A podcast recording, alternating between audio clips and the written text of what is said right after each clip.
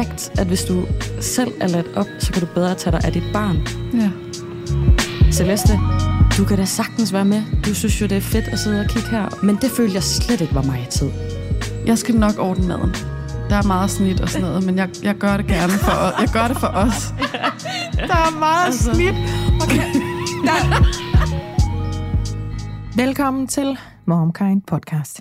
I dag der skal vi tale om mig-tid, eller måske i virkeligheden om mortid. Det kunne for eksempel være den der periode sidst på aften, hvor man aften efter aften skal afgøre, om man skal holde sig vågen for at nyde en time eller to, hvor der er ingen, der skal bruge noget fra en, eller stiller krav til en, eller om man bare skal gå i seng, så man ikke er fuldstændig rundsmadret dagen efter. Det er valgene, vi tager om at være fuldstændig os selv, og som jo altså gerne skulle lade os op, og som ofte eksisterer på ryggen af, at der er en anden, der tager sig af vores børn imens. I dag skal vi tale om, hvor meget mig-tid man har brug for, hvordan man har det, når man er væk fra sine børn, om man har brug for at være væk fra sine børn for at holde mig-tid, og hvad der i det hele taget er rimeligt, når man har brug for tid for mor alene. Og det panel, jeg skal gøre det med, det er Clara Kondrup og Maria Josefine Konstantin Madsen, også kaldet Jojo. Velkommen til jer to. Tak. Jojo, Ja. en, øh, en morstatus. Nej, vi skal lige sige, at du er radiovært på P3, Mm. og så skal vi have en morstatus. Jamen, min morstatus er, at jeg er mor til Delfin, som er ni måneder. Ja. Og øh, ja, vi er et sted nu, hvor jeg glæder mig så meget til, hver gang jeg kommer ud af døren og møde andre voksne mennesker, at jeg har fundet ud af, at jeg taler som et vandfald. øh, Fordi det hele skal med. Ja, og fordi jeg, jeg bliver så nysgerrig på øh, alt. Altså, øh, nu, nu øh, mødte jeg jo dig, da vi kom ind ad døren klar, og øh, så... Øh, jeg læser kinesisk, siger du så, og så er jeg bare sådan, nej, jeg, vil- jeg vil høre det hele, øh, fordi jeg er så hungrende efter input på en eller anden måde. Ikke? Ja. Øh, for jeg står lige der sådan på tasken til at skulle tilbage på arbejdsmarkedet, så jeg er faktisk det længste væk, jeg har været fra at, at have været sådan, have en hverdag ude med andre voksne mennesker. Ikke? Ja. Øhm, så, øh, så det er min morstatus. Kæmpe kender. Ja, ikke? Ja. Fortæl mig alt dit vanvittigt interessante menneske, Ja. imens jeg står og vugger den her indkøbsvogn næsten. Ja, bare fortæl mig noget. Netto. Ja, Sig noget. Giv mig noget input. Clara, du er jo studerende, og ja, som Jojo siger, læser kinesisk. Det gør jeg. Og vi skal have en morstatus. Ja, øhm, min morstatus øh, er, at jeg er mor til Celeste på 20 måneder, og øhm, hun er begyndt at have nedsmeltninger. Yeah. Ja. Åh, Tillykke! Og man har bare ventet på, hvornår de kom, og jeg har tit set folk på Instagram fortælle om dem, hvor jeg har tænkt, nå, hvor slemt er det egentlig? Og det må jeg bare konstatere, at det er slemt. Hvad er en nedsmeltning? Det er sådan noget som, øh, skal vi synge julene på bussen? Og så begynder jeg at synge, og så får hun en nedsmeltning, for det var ikke den sang, hun ville synge. Og så skriger hun og kaster sig på gulvet, og nej, nej, nej, nej, mor. Og, og så kan det være ligegyldigt egentlig, hvad man finder på, indtil at jeg sætter den rigtige sang på, fordi det er jo bare det med at have en eller anden følelse omkring, at noget burde være noget andet, og jeg kan ikke sige, hvordan det så skal være, og jeg kan Nej. ikke kommunikere det, så jeg kan kun kaste mig på gulvet og bare skrige. Ja. Og man står der og bare, ja, det, det, så afhænger det lige af, hvor meget tålmodighed og overskud man lige har den dag, til hvor pænt man så lige sådan håndterer det. Ja. Og jeg føler, at jeg stadig håndterer det sådan okay, fordi det er jo lige startet. Men sådan, ring til mig om to-tre år, Der- når jeg sådan gør det 10 gange om dagen hele tiden, så skal det nok være en anden historie. Der kommer noget metaltræthed eller noget mortræthed på et tidspunkt der. Ja. Men det er også fordi, man kan jo godt... Altså, jeg, vi har også nedsmeltninger derhjemme. Men det er jo det der med, at jeg kan i starten virkelig godt forstå, hvor frustrerende det må være at være et lille menneske, der ikke kan kommunikere, og ikke kan sige, hvad det er, jeg gerne vil have. Den frustration vokser lige nær det inde i dig. Klip til, ej, nu må du egentlig godt lige Ja. ja. få styr på trådene, fordi nu bliver det ret sindssygt. Altså, sådan, du skal ikke bede om juice i en blå kop, og når du så får juice i blå kop, så tyrer du det efter mig. Ja, ej. Fordi det var ikke det, du mente. Eller nu var det ikke det, du ville have alligevel. Nej, Nej, eller ja. sådan noget. Ja, så det kender jeg godt. Øhm, jamen, øh, min morstatus som øh, mor til Elle på tre år og Trille på tre måneder, det er, at jeg har fundet ud af, at øh, det ægte øh, forældrehack, det er i virkeligheden bare at bosætte sig øh, tæt på bedsteforældrene, hvis de altså har tid og overskud og Ja. mulighed for at øh, hjælpe og lette egentlig i hverdagen. Snyd. Øh, der kan være nok så meget med altså alt fra at lægge deres tøj frem aften før, øh, fryse mad ned i forvejen, whatever. Et kæmpe hack, der virker hver gang. Øh, have folk tæt på, der Ja. kan aflaste dig. Øh, hvis du skal have noget praktik til at gå op, eller hvis du skal bare have apropos det, vi skal tale om i dag, noget mig-tid. Det er et hack, som øh, ikke er alle fund. Det er jeg fuldstændig klar over. Også at det er for ondt. Vi har så også flyttet efter det. Vi har fået ret langt på arbejde, fordi vi har prioriteret, at vores unger skal være tæt på nogle bedsteforældre, som vi er så sindssygt velsignet øh, at gider os og vores børn. Så det er et kæmpe hack, og det har jeg mega meget taknemmelighed på lige for tiden, fordi jeg har en intens baby. Så når jeg tænker, nu skal min treårige lige have noget, igen apropos dagens emne, elletid, hvor der går noget koncentreret opmærksomhed ned i hendes lille krop og lille hoved og lille hjerte, så har jeg en mor, der bare møder op. Ej.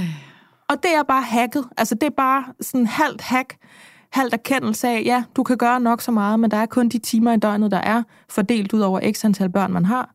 Hvis der kommer nogen, der banker på og siger, nu skal vi i Lejland, og jeg har også købt pølsehånd, og jeg ringer, hvis der sker noget frygteligt, og ellers så ser du hende her igen om fem timer. Åh, Ej, hvor luksus. Det er hacket. Ja. Altså, det, det er noget værd, og jeg står lige midt i det. Så det er i virkeligheden også sådan en tak, mor. ja. tak, mormor. Tak. Og skud ud til alle dem, øh, der ser øh, pressede øh, børnefamilier, særligt dem med små børn eller med babyer, og bare møder op. Ja, Ja. tak. Og der er ikke nogen, man stoler så meget på med sit barn, som bedsteforældre. Mm-mm. Sådan har jeg det i hvert fald. Ja. Så det der med, at din mor bare tropper op. Drømmen. Ja, Ja. også fordi hun er ude af mit, af mit hoved i den periode. Fordi jeg behøver ikke at bekymre mig om, om hun har det godt. Så vil jeg jo heller ikke lade hende gå med, den voksne, hvis jeg havde det på den måde. Vel, men det er vidderligt, du tager hende af mine hænder Ej. og sørger for, at hun har det lækkert, imens jeg lige... Det kan så være for gjort rent, eller altså det behøver ikke engang være, fordi jeg skal have noget lækkert, men bare lige, at hun har noget dejlig tid, imens jeg gør noget, som hun ikke kan være med til, eller så slipper hun for at sidde og stige fem timer ned i en iPad, eller hvad ved jeg, ikke? Mm. Kæmpe gave. kæmpe gave. Så det er morstatus, at jeg er klar over det, og at jeg benytter mig meget af det lige for Ja. tiden. Ikke? Ja. Men nu skal vi tale om uh, mig-tid, om mortid, og hvordan det ser ud for os hver især. Det her, det er MomKind Podcast. Jeg hedder Majbrit Maria Lundgaard.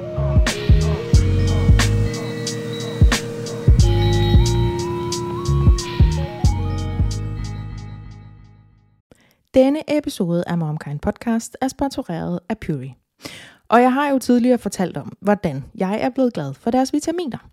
Men nu har jeg lyst til at dele, at jeg også er blevet glad for deres kollagen. Jeg blander faktisk deres CP1, som er testet ren kollagen, og CP3 Beauty. CP3 indeholder nemlig zink og biotin, der blandt andet bidrager til at vedligeholde normal hud, og jeg oplever faktisk, at jeg både får mindre tør hud og færre revnede fingerspidser, når jeg tager det her. Udover zink og biotin, så indeholder CP3 Beauty også C-vitamin, B6-vitamin og hyaluronsyre. Puris produkter er testet for renhed og kvalitet, herunder uønskede stoffer som tungmetaller, pesticider og lignende, og du kan selv se testresultaterne, hvis du scanner QR-koden på bagsiden af deres produkter. Har du lyst til at prøve deres kollagen eller nogle af deres andre produkter, så kan du bruge koden MOMKIND30, når du tegner abonnement. Så får du 30% rabat på de første tre leveringer, og altså på produkter til tre måneder. Det er jo ofte sådan, når jeg skal have dejlige mordamer ind i det her studie, så spørger jeg de dejlige mordamer på forhånd, er der noget, der særligt rører jer, interesserer jer, frustrerer jer, inden I kommer herind? Fordi så kan det være, at jeg kan se, gud, det der har vi ikke talt om endnu, eller det her kunne jeg tænke mig, at vi talte om, eller det passer meget godt med, at der er rigtig mange, der har skrevet, kan I ikke tale om det? Du foreslog netop det her emne, Jojo, altså mig-tid eller mortid, øh, hvor svært den kan være at få, hvordan man har det, imens man har mortid, og om det overhovedet er afslappning, hvis man sidder og kigger på sin, sit barn imens, eller kigger på sin telefon imens i virkeligheden. Ikke? Mm. Og det er der øh, en million andre, der også har foreslået. Så jeg klappede til den, og vil du ikke udfolde for mig og lytterne, hvad det var, du tænkte, da du øh, foreslog det emne? Jo. Der kommer sådan et par løse strøtanker nu, fordi jeg har ikke... Det er stadig sådan en proces for mig. Øhm, Delfin er jo ni måneder, og der tager lige nogle måneder, synes jeg, at lande i, nu er der et barn. Og så kommer der sådan en lille smule barsels hverdag på et tidspunkt, hvor at jeg skal lære at lande i mig selv igen. Og det er jeg stadig i gang med. Jeg er ikke landet endnu. Øhm, men hvordan får jeg tid til mig? Hvordan vender jeg mig til, at lige nu er det sådan, at hvis jeg skal have noget tid til mig, så skal Nikolaj, min kæreste, være sammen med hende, altså sådan groft sagt. Selvfølgelig ja. kan hun også blive passet en gang imellem og så videre. Men det der før var noget, jeg besluttede, nu tager jeg noget mig tid, gik ikke ud over nogle andre. Mm-hmm. Og nu så betyder det, at nu skal han tage sig af barnet. Ja. Så jeg skal lære at slappe af i, at nu står han med den på en eller anden måde, og nogle gange er det super stressende, for at jeg kan få et pusterum. Det synes jeg er virkelig svært. Ja. Og så kommer det næste spørgsmål, som er, hvornår, hvornår har jeg mig tid? Ja. Øh, og som du også sagde i introduktionen, kan jeg have mig tid, mens jeg er sammen med mit barn? Det er stadig ved at prøve at finde ud af. Øhm, jeg, jeg, jeg synes virkelig, det er svært, og, øh, og jeg har også sagt det før, det her med, hvordan undgår jeg at ende et sted, hvor jeg sidder med mit barn i armene og drømmer om mig tid, og ikke er ordentligt til stede hos mit barn, fordi jeg ikke ved, hvornår jeg får noget mig tid næste gang. Ja. Det er ekstremt svært. Ja. Øhm, jeg, har, jeg har hørt fra flere, der har børn, som er sådan lidt ældre end mig, som siger sådan, kan du prøve måske at nogle gange tage nogle af de der kedelige praktikaliteter, der skal ordnes derhjemme, og inddrage dit barn, sådan så det frigiver for eksempel noget mig-tid senere. Altså i stedet for at ligge inde på det der legegulv 24 timer i døgnet, når hun er vågen, eller gå tur og stimulere hende på alle mulige babyagtige måder, kunne hun så være med, når du tømmer op vaskemaskinen for eksempel. Ja. Det prøver jeg at øve mig i, og ikke fordi, at det giver tid til mig i det sekund, men måske kan der så frigive noget tid senere, Ja. fordi at opvaskeren skal, skal stadig tømmes. Ja.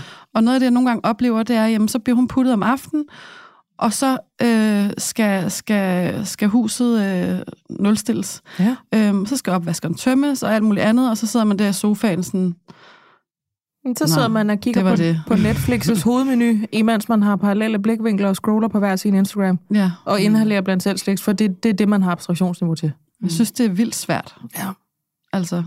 Og jeg synes også, det er vildt svært, det der med, jeg, føler, jeg, jeg godt føle, åh, det, det er tungt at skulle tage mig tid, når jeg kaster og det er ikke fordi, at Nikolaj, min kæreste, brokker sig over at have hende overhovedet. Han er god til det. Det, det er noget inde i mig, der skal lære det, ikke? Ja, det der med min frihed til at lave noget, jeg bliver glad af, hvor jeg kan mærke mig selv, og som jeg bliver ladt op af, eksisterer på ryggen af, Mm. at du er, og nu laver jeg citationstegn, på arbejde. Mm. Eller i hvert fald bare på. Mm. Mm. Og hvor, hvor intens den børnesituation er, altså den her omsorgsopgave, den er, er jo lige nær med stressen over, ej, jeg skal godt nok nyde min brunch, fordi nu er Ja. jeg virkelig spændt for derhjemme lige nu, med Ja. det x antal børn, vi nu har, ikke? Mm. Ja, det er en anden følelse i det. Det er sådan her, Ja. 1, 2, 3, hyg dig alene nu. Præcis. Mm. Nu, nu, nu, nu, nu, nu, nu, nu. Altså, øhm, jeg må sige, jeg synes, det er svært. Ja. Øh, at finde ud af, hvordan vi skal gøre det. Og jeg vil også sige, jeg synes, det er svært at finde ud af, hvor meget mig-tid kan jeg gøre krav på over for min partner. Mm. Hvor meget, altså, og jeg synes endda, jeg har gjort det, altså ved at sige, for eksempel, nu skal jeg starte på et sygekursus, det tager tre timer om ugen, eller nu skal jeg øh, forskellige ting. Vi gør det, men jeg synes stadig, det er en svær balance. Ja. Mm. Kender. Kender. Klar. Mm. Hvordan ser mig tid ud hjemme hos øh, dig og Petro? Har du noget, og hvad, øh, hvad er det? Ej, jeg synes, det er et så sindssygt svært emne også. Altså, jeg, jeg, der er jo gået det første halvandet år af Celestes liv, har Pedro jo haft skæve arbejdstider, der har gjort, at han jo nok har været væk i gennemsnit sådan noget fire dage om ugen, både aften og morgen og whatever. Altså, jeg har været sådan, ligesom hvis han var taget på forretningsrejse fire Ja. ja. dage hver uge. Ja. Øh, hvilket jeg har gjort. Jeg har ikke, og det har været på forskellige dage, så jeg har jo ikke sådan kunne gå til noget eller gøre et eller andet. Men nu hvor han så har fået et Monday to Friday job, så, øh, så kan jeg faktisk mærke, at nu begynder den sådan rent faktiske svære balance i det her. Fordi det var som om på en eller anden måde, i al den her tid, så har det været sådan, Nå, men du er her jo aldrig, så når du er her, så skylder du bare mig, at så skal jeg bare have lov til at tage ud og lave et eller andet. Ja. Hvor nu, hvor vi så er lige meget hjemme, Ja. så bliver det hele et nulsumssystem op i mit hoved. Ja. Ej, hvor er det svært. Ja. Det er jo mega svært. Jeg, Mm. mm. jeg har jo hele tiden, altså jeg føler jo stadig nogle gange lidt, at han skylder mig noget. Så jeg føler jo stadig sådan, nu har jeg ret til at gå til kor hver tirsdag, og det gør jeg. Men det er jo stadig, altså jo, det er jo, det er jo noget, men, men jeg synes, det er så svært at finde ud af det der med. Altså jeg bruger for meget tid op i mit hoved på at tænke, kan jeg godt tillade mig at tage ud med mine veninder i aften, så skal jeg også sørge for, at han kan komme ud, måske dagen efter eller dagen efter, og så skal jeg jo så skal jeg også kunne overskue det, fordi at hvis jeg har noget, så skal han også have noget. Eller, mm. altså, Mm. den der, hvor... Altså, jeg, jeg, jeg synes, der følger en med mindre, altså, der er forskellige typer mig-tid, synes jeg. Og en af dem er den der, når barnet sover, at man så sådan sidder derhjemme. Men jeg føler også, det er mig-tid, når jeg tager ud med mine veninder, eller når jeg laver sådan nogle ting. Ikke? Og det, jeg synes, det er en vildt svær balance, specielt at finde ud af den der, når jeg ikke er hjemme, mig-tid. Hvor meget kan jeg øh, bede den anden om at være den, der så er hjemme? Ja. Mm, det er det. Hvor meget kan jeg kræve at tage ud? Øh, ja, det, og, og jeg vil lige knytte, at jeg har en veninde på studiet, som har to børn, øh, skole, skolebørns eller børn, mm. som hun har fået øh, med, hvad hedder sådan, med en sæddonor, så hun er alene med dem. Og øh, vi sad en dag på studiet, og så var hun øh, og snakkede om det der med, fordi nu havde jeg også fået et barn. Mm. Og så kunne jeg jo bedre forstå det, men det, det er jo en helt anden liga, fordi så fortæller hun, jamen jeg har ikke set en film i otte år. Nej.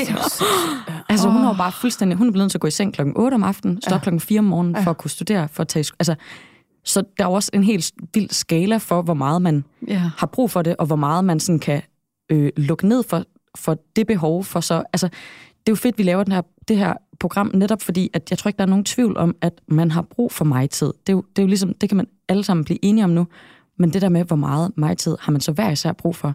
Ja, hvad, det er jo... hvad fysisk muligt. Ja, Altså, har jeg mig tid, fordi mine børn sidder og bare og kigger hjemme i huset, ja. sådan, hvor fanden er mine forældre henne? Eller, ja. jamen, jeg har lige ude at have mig tid, så I må selv tage nogle ja. cornflakes eller et eller andet. Ja. Altså, det kan man jo ikke. Nej. Jeg vil også godt lige her til en start øh, bringe en lidt anderledes vinkel ind i det her med mig tid, fordi mm-hmm. hjemme hos os, der har det øh, notorisk været sådan, at når jeg har stavlet noget øh, mig mortid på benene, når dagen så oprinder, så øh, magter jeg det ikke. Mm, så nej, overgår jeg det ikke. Det er rigtigt. Fordi jeg er sådan helt, åh, jeg vil bare hellere, jeg tager bare noget blødt tøj på, og så æder jeg resten af ungernes påskæg, og så skal jeg bare ligge nede på sofaen, og hvis du så bare kan lade være at tale til mig i den rumtid, som jeg ellers skulle have været væk, så holder jeg lige mig tid in-house. Ja. og så har jeg en mand, der er flink til at sige, ej, tag nu afsted. Fordi det kan han nemlig godt finde ud af. Det kan mm. godt være, at du er skidetræt nu, men du ved jo, du bliver glad for det. Ja. Og også noget med, er det ikke også synd for den veninde, hvis du aflyser igen, eller altså så jeg, jeg, sådan, jeg skal lidt sådan lokkes ud af døren mm, på ja. en eller anden måde. Altså det skal være ret bekvemt for mig at dyrke den der mig-mor-tid. Og han har jo ret. Når jeg kommer tilbage igen, er jeg jo virkelig glad. Jeg er opdateret på mine øh, venner eller veninders liv. Øh, jeg har fået varm mad, måske, som jeg har kunne spise med begge mine hænder og med bestik og alt muligt. Mm. Og jeg har været glad for det. Men jeg skal over sådan en pukkel. Mm. Øh, lidt ligesom det der med, ej, jeg er godt nok træt her efter det lykkedes at putte de unger. Jeg havde egentlig tænkt, at jeg måske skulle lægge noget nejlak, eller jeg skulle tage et fodbad, eller jeg bare skulle bade, eller... men det, øh, jeg er for træt til bare at gå i seng, jeg skal bare ligge her på sofaen. Altså lidt den samme, bare med... Mm, jeg skulle egentlig have været ude at spise med en veninde, hvor vi skulle spise lidt sent, fordi så kunne jeg lige være med til putning, eller i hvert fald putning af den ene. Men nu, hvor jeg står for det, så kan jeg mærke, at jeg har ikke engang lyst til at tage min mor leggings af. Nej. Okay, hvad kan jeg skrive til hende, så hun ikke bliver alt for sur? Fordi jeg kan godt regne ud, hun er allerede... Altså, helt den der ja. ting, ikke? Det er også en vinkel for mig, at jeg kan godt mærke, i løbet af dagen, hvor jeg har energi og hvor jeg er afsted, alle mine ambitioner om mig-tid og mortid, fordi jeg ved, hvor vigtigt det er for mig at få lavet det op og få mærket mig selv. Når vi så rent praktisk kommer, kommer til det tidsrum, ja. så er det fandme ikke altid, at jeg kan løfte det. Altså, så bliver det bare endnu en aften med scrolle-tommelfingeren, hvor nogen falder i søvn på sofaen, og den, der falder i søvn til sidst, eller sådan næsten sparker til den anden og siger, nu må vi hellere gå ind i seng. Der er jo tre timer til den første vågner, så nu er det nu. Mm. Og så ledes gik endnu en aften, hvor man ikke fik lavet den der, ej, det er bare, jeg sidder bare her og får ordnet min negle og sådan noget. Men, nogle gange lykkedes jeg med det, men det er del med ikke altid. Men tror du ikke også, fordi jeg har også nogle gange tænkt det der med, at mig tid tit, eller nogle gange i hvert fald kræver lige nu, at jeg kommer ud af døren. Ja. For eksempel på mit sygekursus, mm. øh, eller at jeg sidder her, øh, eller jeg gør, at jeg ser en veninde. Det er lidt nemmere på en måde at arrangere, fordi det bliver så tydeligt. Ja. Jeg går ud af døren, og jeg er her ikke. Mm. Og så skal du, Nikolaj, tage dig af Delfin. Ja. Og i virkeligheden, så noget af det, jeg allermest mangler, det er måske i virkeligheden en day off, hvor jeg får lov at være hjemme mm. alene, ligger i sengen, øh, ser serier, alt det der. Øh, men det er sværere at få, i hvert fald hjemme hos os, få stablet på benene. Ja. Øh, og det er umuligt lige nu, i hvert fald hjemme hos os, at jeg siger sådan, jeg går lige ind i stuen, kan I lige lege herude i køkkenet? Ja. Øh, og så bliver jeg ikke forstyrret. Så har jeg ikke den der følelse af, at jeg ikke har ansvaret på en eller anden måde. Nej, men også fordi lige pludselig står der jo et barn under din ene balle. Ja. Altså sådan, gud, er du der? Jeg troede, jeg havde mig tid. Så jeg kan ikke få det. Nej. Men så når, når det der tidspunkt kommer, hvor jeg skal ud af døren, så jeg kender det præcis ligesom dig, mm. hvor jeg så tænker, åh, jeg gad godt bare Ja. åh, sumpe ned i sofaen. Det er fordi, det er nok i virkeligheden, det er også et behov i hvert fald, jeg har. ja. Øh, men, men for jeg får den der sådan lidt øh, frihed og, og mig-tid, så kræver det faktisk tit, at jeg går ud af døren. Mm. Altså, Ja, Og også man- fordi, som du siger, det bliver meget tydeligt, jeg er ikke en ressource lige nu, Ja. ja. fordi jeg giver mig selv den omsorg. Mm. Der er rigtig mange kvinder, der også har skrevet til mig, altså det er sådan i det samme åndedrag, fornemmer jeg, når de skriver, åh, kan vi tale om det her med, når man har brug for bare at være alene, eller være sammen med sig selv, eller lade op, at man så øh, har 10 sekunder, hvor man tænker, la di da di da, nærmest på vej ned ad havegangen. Klik, til man sidder og kigger på billeder af ungerne på telefonen, fordi ja. man enten savner dem, Ja. ja. eller man har dårlig samvittighed over, at man har prioriteret sig selv, eller man sidder og er for nogen oprigtigt ængstelig omkring, hvordan går det nu derhjemme. ja. Oplever du det, klar? Eller kan du sådan helt øh, tabe ud af morrollen, når du så er øh, øh, bare dig selv og har mig tid? Altså, øhm, nogle gange. Mm. Det, jeg synes, det afhænger også af dagen. Og det er jo det, der er så øh, vildt også sådan ved at være mor, det er jo, at, at altså, igen, alt er en fase, men det er det jo også på en eller anden måde for os mødre, at i starten var det jo vildt svært. Altså, det, specielt de første par måneder, hvis man skulle noget, så, altså, så var jeg jo ved at dø af dårlig samvittighed over, hvis jeg... Altså, og det der, og ængstelighed og alt det der, kunne slet ikke overskue det. Nej. Men så nu her, øh, halvandet år senere, så har jeg gjort noget, jeg selv synes er mega skamfuldt. Hvad er det? Mega skamfuldt. Og, Ja. ja. Men jeg tror ikke, det er det, men jeg kan ikke finde ud af det, men det er noget, jeg har valgt at gøre. Kom med det. Og det er, at øh, jeg har lige haft en måneds ferie fra øh, studiet, og jeg har ikke beholdt Celeste hjemme. Det er helt normalt. Okay. Det er helt normalt, det der. Men det igen, Wow, det lyder fedt. Ja, og det startede hårdt ud med en ufrivillig abortforløb, der gik helt galt og alt sådan noget. Så det har været en hård start på den her måned. Og så har jeg sådan haft lidt, lidt små projekter hister her. Men jeg har sågar de fleste dage afleveret, afleveret hende i vuggestue, gået hjem, taget en lur, set lidt Netflix, spist lidt comfort food, Ej. og så er jeg gået ned og hentet hende igen. Og jeg kan bare mærke den der sådan, altså nogle dage, så har jeg slet ikke kunne gøre det med god samvittighed, fordi jeg bare tænkte, jamen børn har jo også behov for ferie, og tænk, hun kunne være herhjemme med sin mor, og måske have det meget bedre. Og det, det ved jeg ikke, det tror jeg ikke, altså nødvendigvis er min egen stemme, der siger det. Jeg føler mere, at det måske er lidt et eller andet, jeg snapper op fra noget på Instagram, eller et eller andet. Så jeg prøver at sige, det er okay, Clara, at du bare prioriterer dig selv, for det har du ikke gjort i 100 år. Men det er fuldstændig okay. Okay, tak. Øh, og det, det gør alle. Øh, jeg tror endda, vi har tilrådet det i et program her. Sådan, efter en ferie med din familie, så tag lige selv tre feriefridage, hvor de er afsted, og du er selv. Jeg er simpelthen lige nødt til at spole tilbage. At, nu fortalte du, altså måneden der startede med en ufrivillig abort. Er du okay? Har du det godt? Ja, det... Nej.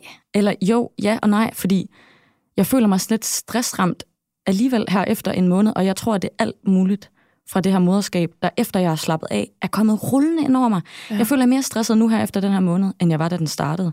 Okay. Og den startede netop med, at vi det, altså, i november var mega glade for, at vi var blevet gravid igen. Mm. En måned, hvor jeg bare kaster op igen med hyperemesis, ligesom jeg havde første gang. Klip til, at øh, vi tager til alle mulige mærkelige scanninger, og de, vi bare får at vide, der er ikke nogen baby. Du er gravid, der er en moderkage, eller hvad det, hvad det hedder. Der er bare ikke nogen baby indeni. Og så fik jeg en medicinsk abort, for så at det ikke virkede, og jeg er blødt Oh. igennem 10 bind om dagen til sidst i løbet af julen, og så måtte jeg have en udskrabning her i starten af januar. Og jeg føler ikke, at det har været sådan vildt hårdt øhm, mentalt på en eller anden måde. Altså, jeg har ikke siddet og grædt, grædt over, at øh, så meget i hvert fald, over at det her barn, der ikke blev til noget, fordi det var et mærkeligt forløb hele vejen igennem. Jeg tror aldrig, jeg nåede at lade mig selv have den drøm. Og det er jo mega forskelligt. Det kan jo slå nogen totalt ud af kurs. Ja, ja.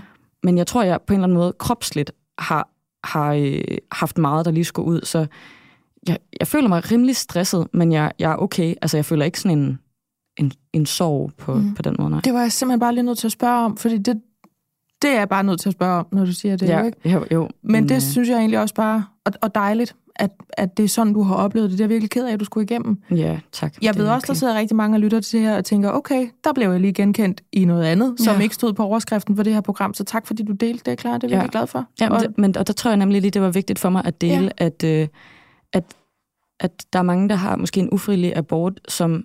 Altså, jeg har haft svært ved at finde nogen at spejle mig i, som siger, det er okay, at du ikke er totalt... Altså fordi, føler folk egentlig er gode nok til at dele, når de går ned i et sort hul over en ufrivillig abort. Og jeg har egentlig også skammet mig lidt over, at jeg faktisk ikke er gået ned i et sort hul. At jeg Mm. egentlig aldrig helt nåede at tænke drømme, drømmen, og derfor egentlig ikke har sådan synes, det har været sådan helt Du vildt. har ikke tilladt dig selv at gå ned ad den sti, så derfor så, så stod du måske ikke der, hvor det var, der var et stort hul tilgængeligt. Så blev det mere en fysisk ting for dig. Ja, og det, ja, det vil jeg bare lige øh, sige, at det, jeg har faktisk ikke været slået helt ud øh, Ja. Emotionelt, og øh, hvis der er nogen, der har brug for at høre det, så er det i hvert fald også okay, for sådan har jeg i hvert fald haft det. Sejt.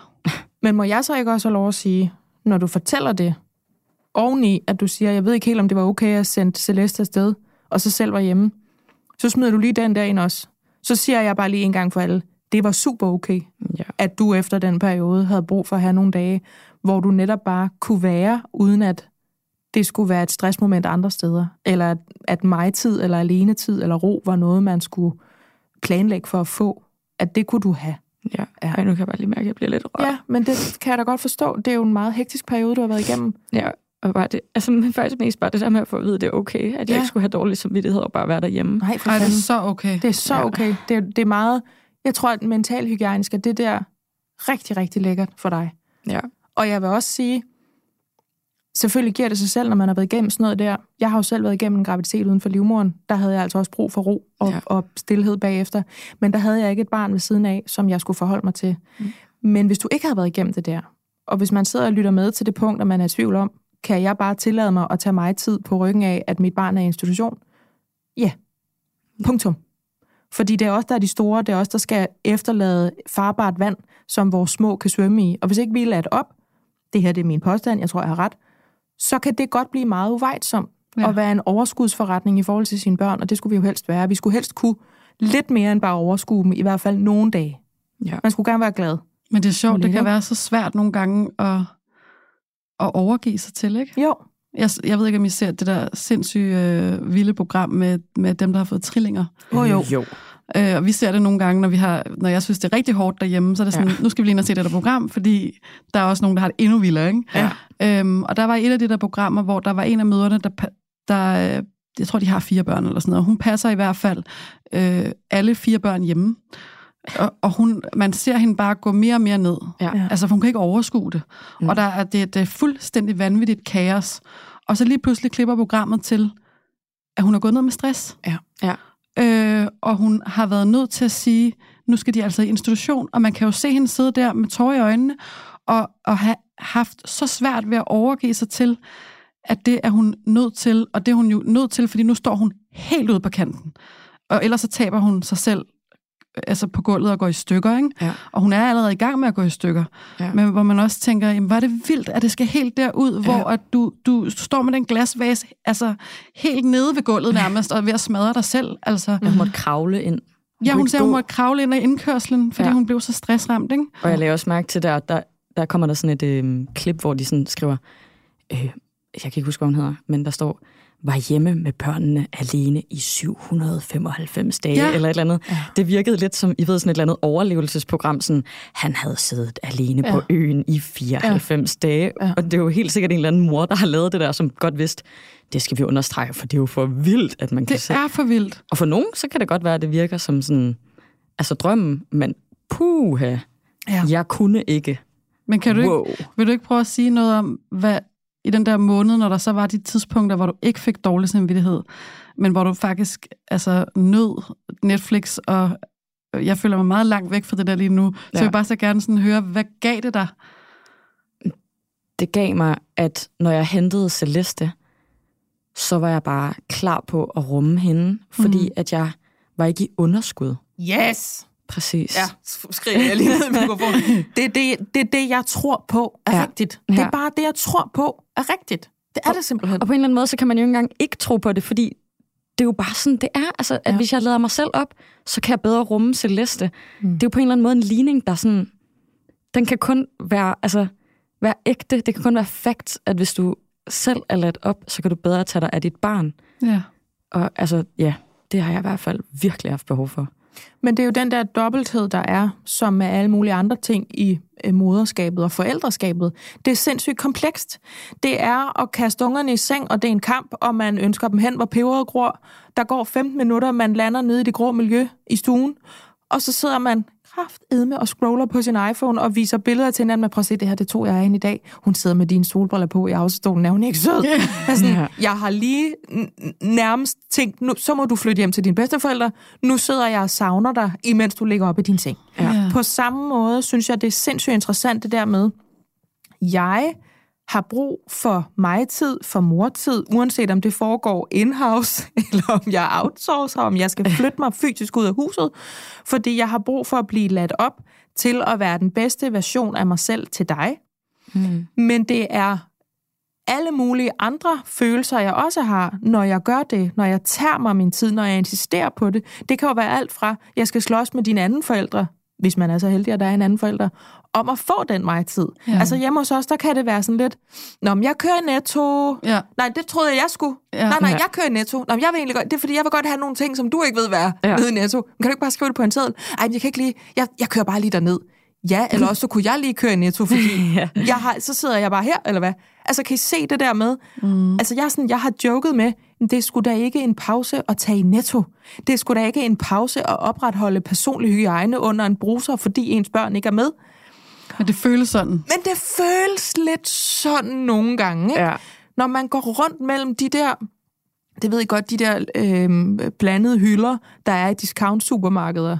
Det kan være altså, hvilket som helst i virkeligheden. Så er der en, en reol, hvor der er en hylde med noget kajmarineret spækhugger, og så på den anden side, der står der nogle svupper og nogle ja. udstrømmer og nogle keramikting. Kajmarineret spækhugger. altså, Nasty. I ved, det, Godt det, forstå, det, det havnede de det, der de, til overskylder. Fuldstændig, og der er udsalgsmærker på det hele. Det er altid i de der gange, i sådan et sted, hvor jeg står og tænker, na, na, na.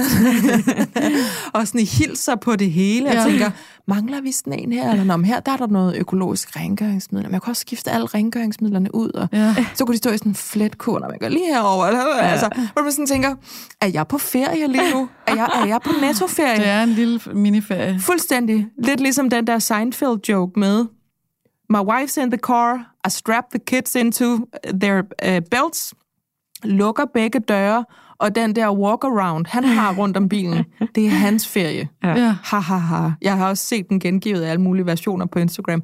Men vidderligt, min pointe er her, at der er nogle, for de fleste af os i hvert fald, nogle tidspunkter i løbet af en dag, hvor der er nogle små vakuumer, mm-hmm. som man på en eller anden måde kan med lidt god vilje og lidt glimmerdrøs få til at ligne mig tid. Helt ja. klart. Jeg har aldrig troet, jeg skulle sige det her, fordi jeg synes jo, mig tid er sådan noget, man starter i en lufthavn, eller man tager på kurbad, eller sådan noget. Nu har jeg to børn, der har jeg lige ændret holdning. Bare ja. stor fed ændret holdning, ikke? Men man skal da også bare tage det, for, altså, du kan jo, det er jo noget, man kan tage at bruge, hvis det ja. fungerer. Jeg får nogle gange også dårlig samvittighed over det, fordi at og jeg, jeg kan også nogle gange tydeligt spotte, når det er det Nikolaj, han er i gang med. Ja. Sådan, jeg går lige ud og lukker døren herude på toilettet, eller går i bad, eller et eller andet, men hvor man godt kan mærke, jeg tror i virkeligheden ikke, du skal på toilettet, Nej. eller du har været i bad i morges. Ja. Skal du i bad igen? Ja. Øh, men så ved man godt, hvad det handler om. Jeg tror måske faktisk, vi skal have snakket omkring lige præcis det derhjemme, fordi det, det, giver jo, det giver jo en følelse af at få frigivet bare en lille smule tid til noget andet. Ja. Ja. Altså, og det, den, den synes jeg faktisk er vigtig. Vi har, vi har heller aldrig nogensinde været så interesseret i at lave aftensmaden derhjemme. Nej, præcis. Efter vi har fået børn. og det er jo også sådan, fordi så kan man gå ud, og jeg tager en podcast i ørerne, hvis ja, ja. det er, eller ser nogle nyheder, og så går jeg bare i gang, og han gør det samme. Og, og, og jeg kan godt nogle gange få dårlig samvittighed over, at jeg kan prøve at få det andet til at lyde som noget bedre. Altså sådan, ej, er det ikke bare hyggeligt, hvis dig og Delfin går ind i stuen, og så kan I rigtig, så kan I lave den der, den der motoriklej, jeg lavede i går. Ja. Så, så kan knokler jeg med aftensmad. Jeg skal nok tage aftensmaden. Du er så god skal... til at lave de der sjove lyde, hun elsker. Ja. Skal I ikke ja. ja. Jeg skal nok ordne maden. Ja. Der er meget snit og sådan noget, men jeg, jeg gør det gerne for, jeg gør det for os. Ja. Der er meget altså. snit. Okay. Der, der kalder du lidt mig ud, kan jeg godt mærke. Men det er også fordi, jeg har, jeg har den chance derhjemme. Det er mig, der laver mad derhjemme. Mm-hmm. Jeg er mhm. pissegod til at lave mad, og jeg er også virkelig hurtig til at lave mad. Så den har jeg bare. Ja. Og Michael er jo meget glad for resultatet. Han ved godt, han spiser godt. Han har det fandme godt, altså sådan ernæringsmæssigt hjemme hos os. Men altså, jeg skal da også, øh, jeg skal da også indrømme ned i den her mikrofon, at der er der nogle gange, når jeg bliver spurgt, hvor lang tid tager det cirka, eller hvornår er der mad, så er der da også indlagt noget kiggen på øh, somi, mens risene Ja. koger og sådan noget. Ja. Altså, jeg kan da godt... Det, det, er jo, det er jo mig, der ved det. Mm. Så det må du jo bare stole på, når jeg Ja. ja. siger, at det tager cirka fire timer Ja. ja. med det bæk, som er altså sat på spidsen, ikke? Øhm, Men er det ikke også okay? jo, altså, man kan sige, når behovet er der, så må det jo være okay. Men det leder os jo hen til det der med stressen over, når mig tid ikke inkluderer ens børn. Mm. Fordi den, ja, det kan lyde lidt forkert måske, men at den så, altså så ligger byrden, eller opgaven, eller det at være en på to, eller en på en, eller hvordan ens familie nu ser ud, Ja. på en anden. Altså det der med, at man skal skænkes mig tid. Ja. Man skal, nogle andre skal være den imens, hvor før børn, det er jo sådan noget, man finder ud af, når man har fået dem. Gud, hvor jeg bare hele tiden gjorde ting, jeg godt kunne tænke mig, uden Ja. at bede om lov. Her, der er det jo sådan noget, altså den der klassiske med, kan jeg, kan jeg lige gå i bad, Mm. som jeg i virkeligheden afskyr? Fordi det skal man da ikke bede om lov til. Mm. Men det, det skal man måske nogle gange, hvis det betyder, at det man i virkeligheden siger er, kan du magte at være den eneste voksne på sættet nu?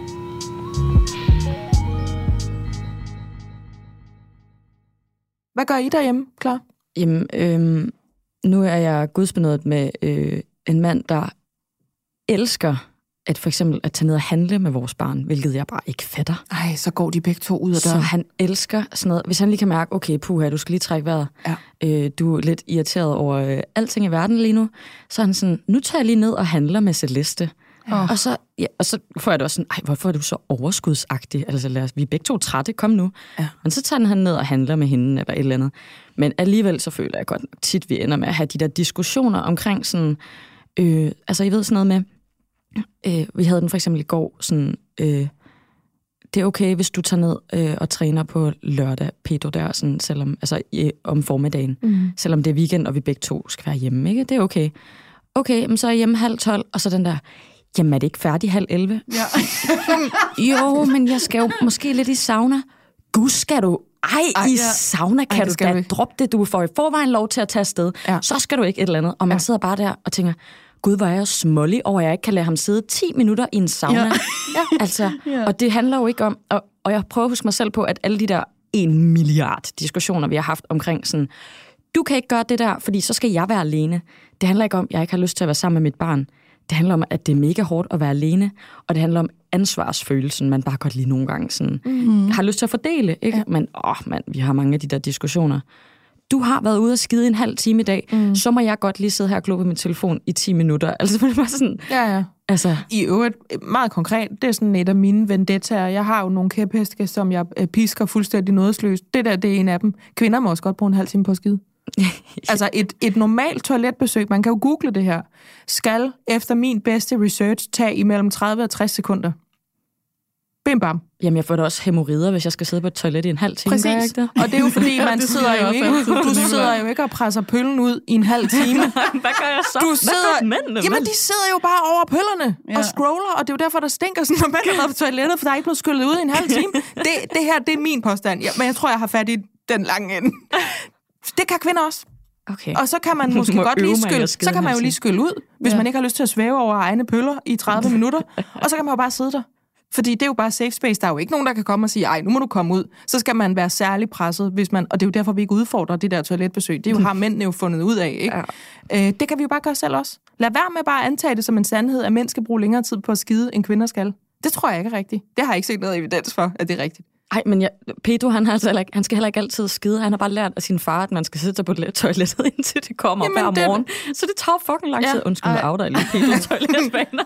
Vent på, det kommer. ja, og så derfor så går han sådan ud og bare sætter sig. Og jeg ved sådan, okay, hej hej, måske 40 ja. minutter, indtil det kommer. Men du skal jo egentlig ikke skide, så kan du Nej. ikke bare sidde her med os. Men i stedet for at Ej. sige, du må ikke være på toilettet i en halv time, så synes jeg bare, man angriber den fra en anden side og siger, det var godt, også. så får du lige en high five her, nu går jeg hej. Ja. Hej hej. Nu går jeg ind og venter på, at det kommer. Mors numse kan også være lang tid om det færdigt arbejde. øhm, ud af luksikummet og hen til det der med, kan man have mig tid med sit barn? Fordi jeg sidder også og tænker på, altså jeg har et barn på tre år, og jeg har et barn på tre måneder. Der er ikke nogen af dem, der går nogen steder. De kommer til at være en del af mit liv og vores hverdag, øh, i hvad der føles som altså, den årrække, jeg kan overskue lige nu. Og jeg kan ikke øh, godtage, at der skulle være, lad os sige, 18 år, til jeg kan få regulær mig-tid, eller til at sådan igen willy-nilly kan gøre, hvad jeg har lyst til. Derfor kunne jeg rigtig godt tænke mig, at vi lige runder det her med mig-tid med egne børn, for de forsvinder jo ligesom ikke. Mm.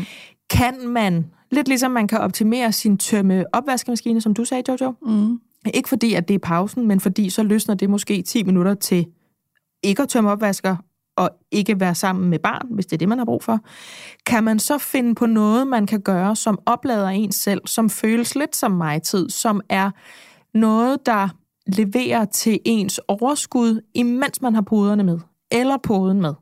Altså, jeg kan jo starte med, hvad jeg oplevede her den anden dag som værende mig-tid. Det lykkedes mig øh, at få Trille til at sove i barnvogn. Det var en dag i Danmark, hvor det ikke regnede. Jeg tror endda, solen havde været fremme øh, fastelavnsbollesæsonen, som jo er tre måneder i dette land, var gået i gang, og jeg kører til nærmeste storby, øh, gider ikke, da jeg tager sted, men har den der ting med, jeg er nødt til at gøre noget opbyggeligt, jeg er nødt til at gøre noget, som jeg bagefter vil synes var fedt, jeg kommer afsted til. Jeg skal have en oplevelse, jeg skal lige mærke mig selv i den her kontekst. Ind i bil med baby, som er rasende hele vejen, men finder ro, da hun kommer i liften og op i barnevognen, og mig ud at trille. Og så gør jeg, ja, trille med trille. Ja. Og så gør jeg det der, som jeg tror er lidt af noget, jeg har set. Det er min opfattelse af, hvordan man er nice på barsel. Altså, hvordan man får den der pause. Hvordan man ikke bliver vanvittig over at være sammen med så lille et barn hele tiden. Solbriller på. Hmm. Øh, det er altid noget med et headset for mig også. Ja. Ligesom det er for dig, Jojo. Øh, og så rundt og se på ting og spise ting bag øh, barnevognen. Altså simpelthen gå fra sted til sted og købe små ting, som jeg gerne vil spise. Øh, sådan være langsom i min krop. Mm. Altså simpelthen gennemtvinge følelsen af, nu er det mig tid, nu er det pause, imens du sover. Hvilket er en del af vores hverdagspraktik, det er, at jeg skal have dig til at sove. Så i stedet for at tænke, det er lidt irriterende, at du ikke kan sove, når du er i stille øh, tilstand, så tænke, du må gerne kun kunne sove, når barnevognen... I godt høre, at jeg arbejder med det her, ikke? Mm. I, du må gerne kun kunne sove, når barnevognen ruller, fordi så kan jeg jo rulle fra sted til sted og spise ting. Mm. Eller fra tøjbutik til tøjbutik. Og så er jeg jo sådan en, der bare sådan, øh, råber sådan, tag mobile pay, fordi hvis jeg skal ind i, det, i jeres butik, så bliver der for stille eller for varmt, eller sådan noget. Så står jeg ude på gaden og køber en skjort. sådan et eller andet. Ja, det gør jeg bare. øhm, kan I genkende den, eller kan I bruge den ja. med disse børn må integreres. Ja. Ja. Altså jeg vil sige øh, lidt, altså apropos det, vi talte om før med, med den der måned, klar, du havde også hende her, de her fra Trillingeprogrammet, ja, altså hvor man ja. kan godt komme helt ud på kanten nogle gange.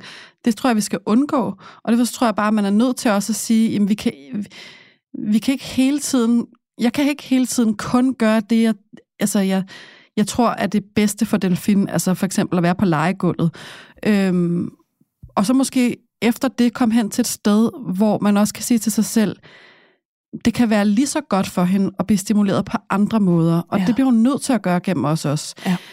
Øh, jeg har også nogle gange gået, jeg fik det geniale råd fra en fra min mødergruppe, prøv pølsevognen.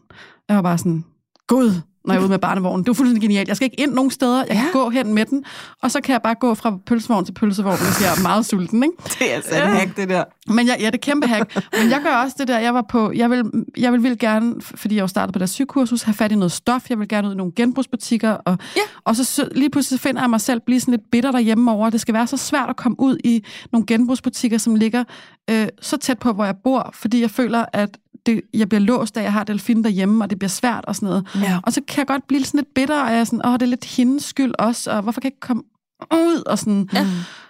Og så klip til, at jeg en af dagene så gør det samme og siger, godt, mm, så kan det godt være, det er mega besværligt, fordi nu skal vi ramme præcis en lurtid, og det er øh, på fjerde sal og ned med hele lortet, og det regner også og sådan noget. Men mm. ned med hende i den der barnevogn, få barnet til at sove, og så gå fra butik til butik, og det kunne hjælpe mig også lidt besværligt, for hver gang jeg rammer en ny genbrugsbutik, så skal hun have en alarm på, og så ja. skal jeg ind, og det er ikke som, hvis jeg ikke havde hende med, men jeg gør det stadig. Mm. Og det er der også at gøre, at, at, at, at frigive noget der gør noget godt for mig.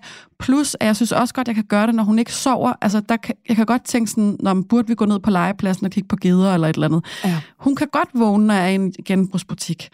Og så må vi få noget sjovt ud af det. Mm. Altså, jeg tror godt på, altså, og hun kan også godt komme med ud og drikke kaffe med en af mine venner og sidde på en café, og så er det ikke nødvendigvis, at hun bare skal sidde og stive ud i luften, fordi jeg skal sidde og ævle med en veninde. Mm. Så må jeg finde på et eller andet dernede, der gør, at jeg er stadig på caféen. Det bliver ikke, som det plejer. Det bliver lidt anderledes, for jeg, skal, jeg har også et barn, men jeg kan måske godt med noget overskud og lige lidt sådan, hvad gør vi her, stadig komme derned. Ja. Ja. Altså, og så, så, så må man lige sådan skrue på de der forskellige knapper. Altså, øh, det bliver heller ikke den shoppetur, du plejede at have. Men du kommer da trods alt ud og, har, og kommer hjem med en følelse af, at jeg var, jeg var i en butik. Ja, jeg kan ja. få det sådan helt, bare det, at jeg har rørt ved det der stativ med, det ved I godt, alle de der firkantede sweater i ens farver, Ja. og så tidens buks i samme print, fem forskellige farvevariationer. Bare jeg lige har været over at pille ved det, eller har set skyggen af en faste lavnsbold ind igennem et vindue, så kan jeg få sådan en følelse af, jamen jeg er med. Ja, det er det, Jeg er med. med. Jeg, jeg, er sådan, jeg er med i flowet på en eller anden måde. Jeg er ikke fuldstændig isoleret i forhold til, hvad andre mennesker går og hygger sig med. Men jeg synes bare, det er rigtig vigtigt at sige her, at det er ikke noget, man skal have dårlig samvittighed over. For jeg kæmper selv med at blive bedre til det. Jeg gider ikke have dårlig samvittighed over at bruge min tid sammen med Delfin nede i genbrugsbutikken, eller til en venneaften, hvor der ikke er andre børn, eller et eller andet andet. Mm-hmm. Fordi vi kunne have klappet på gider, eller vi kunne have været i zoologisk have hele dagen. Men vi kan ikke være i zoologisk have hver dag. Nej. Fordi så går jeg ned. Ja. Ja. Og så hun kommer også i zoologisk have, eller alle mulige andre ting. Men hun kommer også med med mig. Det er en kæmpe ting, det der med, jeg må gerne have lov at vælge noget for os begge to, som er godt for mig. Ja. Punktum. Men nu, nu bliver jeg lidt øh, aktivistisk på en eller anden måde, fordi jeg anerkender fuldstændig, hvordan I har det, og jeg vil overhovedet ikke ødelægge den følelse for jer. men, men jeg føler overhovedet ikke, det er mig tid. Jeg føler, det er overlevelse som mor på barsel. Ja. Overlevelse som at prioritere sine egne behov bare lige en lille smule. Ja. På de der lange dage, hvor man sidder derhjemme. Altså, der vil jeg så bare lige sige til dig, Jojo, jeg havde ikke en eneste barselsdag, hvor jeg ikke lavede noget, som var nice for mig. Nej. Altså, og det er sjovt, for jeg kan have skam mig over at være hjemme en måned. Men på barsel, der var jeg nådesløs i form af Celeste. Du kan da sagtens være med. Du synes jo, det er fedt at sidde og kigge her, og Men du det- men det øhm, går til alt muligt. Det men det da. følte jeg slet ikke var mig tid. Nej. Altså mig tid, det føler jeg, at, altså, da jeg mødte Pedro for eksempel, der havde jeg dedikeret, det havde jeg brug for. Ja. Jeg dedikerede hver evig eneste onsdag kun til mig. Jeg havde fri fra skole, så det betød, at jeg prioriterede at gå i terapi der, havde jeg booket. Det var det eneste. Jeg ville aldrig nogensinde lave en aftale med nogen som helst den dag, for det var kun klare dag.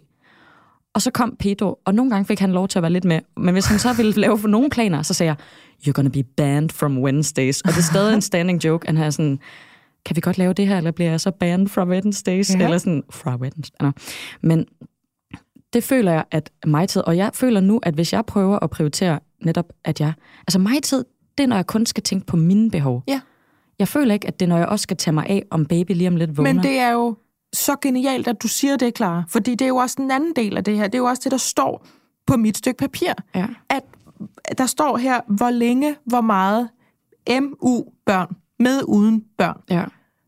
Vi er jo fuldstændig forskellige. Der er nogen af os, der craver rendyrket alenetid, hvor vi mm. ikke engang skal underholde det faktum op i vores hoveder, at vi har reproduceret. Jeg skal bare føle mig fuldstændig fritskrabet fra jer alle sammen. Det er der, den ligger for mig. Mm. Så er der nogen af os, der føler den, bare de ser en faste lavnsbolle bag en barnevogn. Ja. Jeg kan sådan set eksistere på dem begge. Ja. Og jeg anerkender fuldt ud, at der er nogen, der kun eksisterer i den ene og i den anden ende. Mm. Desuagtet, så tror jeg, stressen over, øh, at der er en anden, der skal tage sig af det her barn, eller at man har brug for at være væk fra barnet, kan være lige gangbar, om man jeg lige ved at sige, er nede og drikke kaffe en halv time med en veninde, eller man er på spa-hotel i tre døgn, hvis man har den følelse. Mm. Altså, at det er egentlig ikke størrelsen i det, man gør, fordi det næste punkt her, som jeg gerne vil have, vi runder, inden vi øh, afrunder det her program, det er det der med, hvor meget har jeg brug for at være væk? Hvor meget er rimeligt? Mm. Særligt, hvis det eksisterer på ryggen af min, min partners velvilje eller mm. overskud, ikke?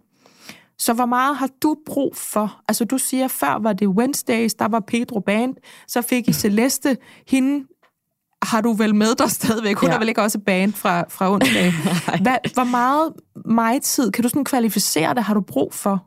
Ved du det om dig selv, hvornår du ligesom fungerer optimalt? Nej, det tror jeg, det bliver noget, jeg skal bruge resten af mit liv på at finde ud af nærmest nu, efter, altså indtil hun flytter hjemmefra i hvert fald. Men, men jeg føler, at, øh, at i, altså i takt med, at Peter han har arbejdet meget og været meget alene, Ja. så jo, det var den der følelse af mig-tid, man fik, når man for eksempel var nede og drikke kaffe med en på, på en café med en veninde, og man havde Celeste med. Så, men det følte jeg ikke var mig-tid. Så mig-tid for mig, det er måske netop at tage ud af huset, om det så bare... Jeg har bare brug... Det, det kommer også altså nogle gange ud af det blå. Sådan, måske, jeg, jeg tror ikke, jeg går og har sådan en følelse af... Altså nogle uger er det meget, nogle uger er det ikke så meget. Nej. Men nogle gange så er det bare den der ud af det blå, sådan... Pedro, ved du hvad, jeg håber virkelig, du kan tage Celeste i aften, for jeg har så meget brug for. Af det blå, at i aften, der skal jeg bare lige... Og så kan det være, tage i biografen alene har jeg gjort. Det kan også være, tage ud med en veninde og drikke et glas vin. Men jeg har lige brug for mig, agtigt. Og så kan der også være perioder, hvor sådan, Nå, det, det er rigeligt bare at sidde og glo lidt på min telefon, når hun sover. Så det, det er mega forskelligt. Ja. Det er mega forskelligt. Sådan er det egentlig også hjemme hos os. Det er meget sådan fra dag til dag, at man kan se på sin partner og sige, gud, hvor er du overvældet, øh, eller træt. Også lidt i forhold til det der, du sagde før, Jojo, med, det jeg tror, jeg virkelig har brug for, det er at være alene her. Mm. Jeg har ikke brug for at komme ud og stavle mig selv op til at sidde på vinbar. Jeg har brug for at ligge i sofaen, uden at I to, tre, fire x antal mennesker kræver noget af mig. Så det gav jeg faktisk Michael for nogle uger siden. Jeg kunne godt se, at han var virkelig, han var virkelig træt. Og faktisk var jeg moder Teresa, fordi han var træt, fordi han dagen før havde været ude med sine venner. Okay. Wow. Så jeg tager øh, begge unger Oh, i hver deres respektive øh, klip, klap, altså trille skal i barnvogn, eller skal i klapvogn, ting kan kombineres, alt det der mor wow. system matematik. Øh, ind i bil, kører ud i sådan et øh, oplevelsesland øh, med momme, øh, hvor vi så traver rundt i snevejr i nogle timer, imens far han kan ligge derhjemme og oh, langsomt dykke. Ja. Jeg synes egentlig, jeg kan også mærke, at jeg siger det også nu, fordi jeg godt lige vil have den der, ja, ja. Det var flot af mig. Det er overskudsagtigt. Men det var det, han Det havde brug for. Og Ja. jeg kunne 100% genkende den, og han mm. gør det jo også for mig. Ja. Så vi har den meget sådan ad hoc. Ja. Øh, sådan, når vi lige kan se det hinanden. Vi er også gode til at sige til hinanden sådan, puh, jeg kan mærke, at jeg, jeg kan næsten ikke lide nogen, der bor herhjemme lige nu. Nej. Jeg tror, jeg tror lige, jeg skal have noget luft. Jeg skal lige... Og så, kan, så finder vi ud af det inden for, for rimelighedens grænser. Ikke? Ja. Hvor meget alenetid, mig-tid, mortid, tror du, du har brug for, Jojo? Har du sådan en Jeg følelse tror- af, at det er rimeligt, det du har... det ved jeg stadig ikke. Nej. Men jeg tror, jeg har behovet for at være uden mit barn hver dag. Ja. Og nogle gange er det fem minutter, og nogle gange er det timer. Øh, Og jeg, jeg anerkender også helt det, du siger, Clara, med sådan, at det ikke er 100% mig-tid, hvis vi gør noget, jeg kan lide om dagen. Men jeg oplever selv, og jeg tror også mange andre oplever det der med, det kan være svært overhovedet at gøre det. Ja. Altså ikke bare at gøre alt for ens barn. Og, og for mig at tage hende med ud til noget af det, jeg dyrker, gør i hvert fald, at jeg har en følelse af, måske ikke mig tid, men vi holder lidt fast i mor. Ja. Vi holder lidt fast i, hvem jeg er. Men så har jeg også et behov for at være helt alene. Ja. Og det er så sådan lidt op og ned, hvor meget det er. Og en, en anden vinkel, som vi måske ikke skal gå ind i lige nu, men som, som jeg også synes er svær i det, det er det der med, vi mangler i virkeligheden også noget tid til vores parforhold. Men det er helt umuligt. Ja. Så jeg kan godt nogle gange, når jeg tager mig tid og siger, nu går jeg på psykursus, eller gør et eller andet andet flere timer, have sådan en følelse af, at det er vigtigt, for jeg skal holde fast i mig selv, og så videre, og så videre. Men jeg skal Ja. jo virkelig også holde fast i os. Ja. Det er der bare slet ikke tid til. Og burde jeg i virkeligheden øh, gøre noget med Nikolaj, i stedet for, øh, i stedet for bare at gøre Også mig... tid. Ja, Også tid, ikke? Øhm, altså, hvor, hvor, hvor meget skal det fylde? Og, sådan, Ja. ja. og nogle gange, så tror jeg, at så, så kommer der mig tid øh, på bekostning af os. Øh, og det er fordi, på en eller anden måde, tænker jeg også nogle gange sådan, jamen man er nødt til at redde sig selv først, og tage iltmasken på, Ja. på sig selv først. Mm-hmm. Men man kan godt sidde og kigge på det, og sige, nu tager jeg mig tid, og så tænke, åh, jeg vil ønske, der også var os i det. Men du er, jo, du er jo en del af det også. Ja. Altså for at du skal være Det det. øh, klar til at møde op i det, og måske rent faktisk have noget at tale om, hvis ikke man altså kun taler om børnene, jeg tror ikke, vi taler om noget som helst andet for vores børn derhjemme, så kan man jo godt altså ligesom være nødt til at gå ud og finde ud af, hvad har jeg følelser? Hvordan mm-hmm. har jeg det nu? Hvem er jeg egentlig, når jeg lige får ørenlyd eller får ro til mit eget indre? Ja. Så man har noget at kolportere over i sin partner. Ellers så tror jeg, man kan blive det der par, der får slæbt sig selv øh, ud på en restaurant.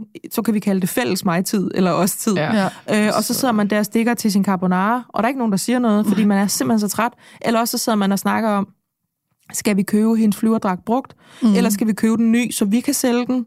Skal den være lidt for stor, eller skal den være lidt for lille? Fordi jeg så noget på den her app, hvor man... Altså, kan I se... Ja, ja det er også tid for os tids skyld. Det er ikke, Ja. fordi det er hyggeligt. Præcis. Og det, det- altså det, og det er også netop, altså, fordi netop nu, hvor jeg fortæller om, at jeg har dårlig samvittighed over, at jeg har været hjemme en måneds mig-tid, og så spejler du mig bare virkelig meget på en god måde, Jojo, hvor jeg kan mærke, eller sådan, du får mig ligesom til at føle, at sådan, nej, det skal jeg ikke have det dårligt. Det får I begge to mig sådan lige sagt, det skal du ikke have det dårligt over. Og det er også netop det, jeg bare prøve, prøvede at sådan ligesom også at give til dig, Jojo. Jeg prøver ikke at tage fra dig, at det er din mig-tid, fordi netop, hvis du føler det sådan, så er det jo fantastisk, men det var mere den del, når du siger, jeg kan få dårlig samvittighed over, at vi ikke er i SOE, mm. men at vi er i Røde Kors. Mm. Og det er det, jeg prøver at sige, det må du simpelthen ikke have, fordi du, du er jo pissevigtig. Ja. Du er så vigtig som mor. Så hvis hun, hun kan sagtens være i Røde Kors Ja. og overskue det, for, altså det er lige så spændende for hende, Ja. om hun glor på stof, eller om hun glor på dyr i SOE. Men hun vil jo bare gerne være sammen med dig. Og så prøver jeg i hvert fald at sige til mig selv, fordi ellers Jamen, skal jeg det godt nok der- have dårlig samvittighed over min barsel. Det der er sgu da Ja. rigtigt. Det er da rigtigt. Ja, det håber jeg ellers, fordi ellers... Nej, men det, men ja. så kan jeg også så kan jeg byde ind med, altså den mor, der sidder her, som er mor til to børn, hun kan ikke særlig godt lide at komme, jeg plejer at kalde det, komme godt ned på gulvet i den her podcast. Jeg er ikke legemor. Jeg er dårlig til at sidde med en plastikhest og så sige, så kom den skøre hest ind i. Det ligger ikke til mig. Det er uærligt, når jeg gør det, og jeg bliver træt af det i løbet af mm. syv minutter. Til gengæld, så tager jeg hende med til ting, jeg gør. Så involverer jeg hende i det. Så kan jeg magte, at hun smører bolledej ud over hele køkkenet, fordi hun er med til at lave boller. Mm. Så kan jeg magte, at hun øhm, øh, løber rundt og fjollet nede i Netto. Så godt være, at vi irriterer nogle andre, men altså, det, det kan jeg rumme. Mm. Men det bliver på mine præmisser, Ja. fordi så er hun med. Det har jeg også sagt før i den her programrække. Hun er en lille bjørn, der går bag ved morbjørn.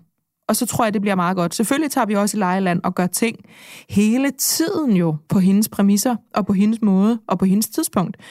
Men mor er vigtig, som du siger, klar. Ja. Hvis vores psykolog Rosa var her nu, så vil hun sidde og sige, mothering the mother. Ja. Og Ja. det, det stopper altså ikke efter, øh, hvad skal man sige, fjerde øh, trimester, altså den her postpartum øh, efterfødselsperiode. Det er jo hele tiden. Man er jo ikke et, et ikke-vigtigt menneske, fordi man har født små, vigtige mennesker, som man gerne vil lave et kvalitativt liv for.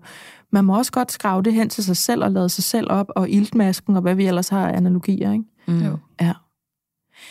Er der noget, vi skal have med, inden vi øh, rapper det her mig-tid, program op, som vi skal sige, hvis der sidder nogen derude og knokler med?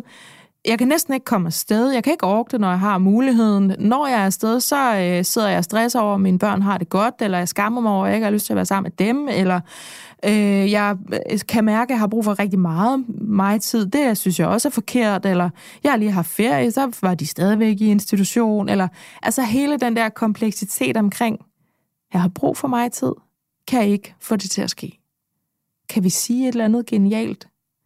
Skal vi bare frikende folk og sige, det er helt normalt, det må du gerne? Ja, så kan man, dyrke. jeg tror da, jeg skal hjem og tale mere om det med Nikolaj, Ja. Min kæreste. Øh, fordi vi taler ret åbent om alting, synes jeg egentlig, men vi, det er ikke så mange samtaler, hvor vi har sat os ned og kigget hinanden i øjnene og taler om, hvad gør vi med mig tid? Ja. Det sker lidt mere sådan hen ad vejen, og når, når, når det opstår, at nu har jeg et behov, eller nu skal jeg ud. Jeg tror faktisk, vi vil have godt af at sætte os ned og tale om det, fordi ja. behovet også er lidt forskelligt. Ja. Øh, og for mig opstår det sådan lidt mere, tror jeg også nogle gange sådan, det er nu, jeg skal ud nu. Ja, ja, ja. øh, og ja. det er overhovedet ikke sådan, det sker for ham. Altså Nej. sådan, og det, det tror jeg faktisk vil være en god samtale. Ja, altså mm. simpelthen sæt sig ned, lav en kop kaffe, Mm. have en rigtig samtale. Ja, Ja, det er da super råd. det er ret simpelt, men Ja. jeg vil prøve det. Ja, det skal du da. Ja, jeg tror helt sikkert, at jeg vil tage hjem, og så vil jeg nyde de sidste par timer af min sidste feriedag, inden jeg starter studie på mandag. Oh, Og så vil jeg bare, ja, jeg vil lige nyde det uden dårlig samvittighed, fordi åh, det har fyldt meget. Ja. Så øh, ej, jeg vidste slet ikke, at det skulle blive en så vigtig snak, det her. Men det kan jeg bare mærke inden i mig nu, at der var et eller andet, der er helt sådan forløst. ja. Det er Så sgu da tak for jer. dejligt. Jamen, I lige måde. Mega i lige måde. Jamen, jeg tror, jeg skal hjem og lave pøller i 30 minutter. ja. Bare hjem og prøve det, se hvad der sker. Svæve over pølserne, eller hvad du sagde. Ej, jeg vil så sige, det er ned og faktisk... sige hej til spækhugger i kaj, eller hvad? Jamen, det, jeg får sagt mange gode ting i løbet af en tid. Ej, jeg vil lige være helt fair at sige, det er faktisk ikke det, der er problemet hjemme hos os. Der er det mere sådan noget med ting, der meget akut skal graves op og flyttes ud i haven. Altså, Ja, ja, sådan, okay. okay, eller, eller du kunne blive herinde, hvor begge unger skriger om, eller i stedet for at rydde op i de der fliser bag skuret, som ingen nogensinde kommer til at se på. Øhm, men det er mere sådan en generel opfordring. Øh, jeg tror, det kan være svært at få mænd til at stoppe med at skide i 30 minutter. Der må være en grund til, at vi bruger det som kliché. Det må være, fordi der er noget om Ja. det. I stedet for kan man jo selv gå i gang. Altså, ikke nødvendigvis aktiv pølle-tid i løbet altså i 30 minutter, men bare blive siddende. Ja. Eller gå derud, uden at du skal på toilettet. Bare sid der. Ja. Se, om der er nogen, der kan- pølser, man Fuldstændig, der. fuldstændig, men, men det, er, det er konkret sådan noget her, ikke? Ja. Det starter i hjemmet. Ja. Jeg tror, jeg synes, vi er kommet øh, godt rundt om. ja. Godt ned på gulvet. Ja. Øh, og jeg håber, at øh, hvis der sidder nogle moms eller nogle dads derude og har brug for øh, mig-tid, mor-tid, far-tid, i hvert fald øh, ro op i mit hovedtid, og så har man fået lidt ud af den her samtale. Det Jeg må har- være. Jeg i hvert fald. Ja. Det har vi på tværs herinde, ikke? Jo. Og jeg er også mega spændt på at høre, Jojo, når du har været, når du er tilbage fra barsel, hvordan det så ændrer sig for dig. Ej, ja, med men dit, shit, det er en helt anden snak, ja. ja, men det er bare, der er så mange ting, der hele tiden forandrer sig i moderskabet, og jeg, på en eller anden måde tænker jeg allerede bare, at nu er det mega spændende at høre, hvordan det så forandrer sig for dig, når du har mere tid væk fra ja. ja. barselshjemmet og sådan noget, ikke? Ja. Det, Ja. Om der ligger noget pauseagtigt i det, eller noget Ja, ja, altså, altså, mig-tid-agtigt ja. i det. Man kan jo godt være så spændt for, at det, at man skal passe en arbejdsdag, føles som mig-tid. Ja, Altså, sådan kan jeg da selv have det. Ja. Ja. ja. Jamen, jeg tror, det var det. Jeg tror simpelthen, det var det. Så vil jeg sige uh, tusind mange tak, fordi I var med. Altså Clara Kondrup og Jojo. Det her, det var Momkind Podcast.